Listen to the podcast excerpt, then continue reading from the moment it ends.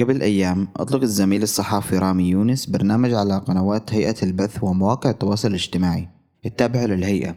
برنامج اسمه الجهة الثانية وهو عبارة عن حلقات قصيرة بتطرح مواضيع وبتكشف عن مغالطات بيكون فيها السياسيين ووسائل الإعلام وجهات أخرى. على غرار برنامج مع سادة الشني للصحافي جاي زوهر. معكم سليمان التيهي من بودكاست عنار. يلا نبدأ.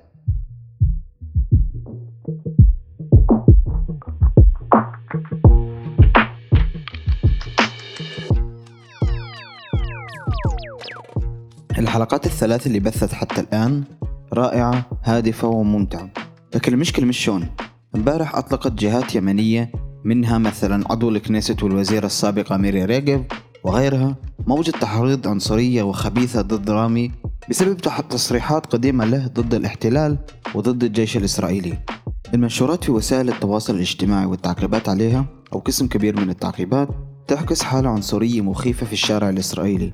تحريض ومطالبة بطرد رامي من وظيفته وبأمور أخطر رغم أن في قسم كبير من التعليقات سخر من ريجف ومن المحرضين. ولأن القناة تابعة لهيئة البث الإسرائيلية هذا التحريض قاد أطراف في القناة إلى إعلان عن نيتهم في فحص الموضوع. في كل مرة يحصل هذا الأمر لأن هذه مش أول مرة طبعا في كل مرة بيصير هذا الشيء بيعود نفس السؤال الذي يطرح نفسه. شو هو هامش الحرية والديمقراطية بدولة إسرائيل؟ إذا كانت الدولة هي دولة ديمقراطية هل حق حرية التعبير موجود وساري فيها؟ هل يحق للعربي أن يصرح ضد الاحتلال ومع أبناء شعبه؟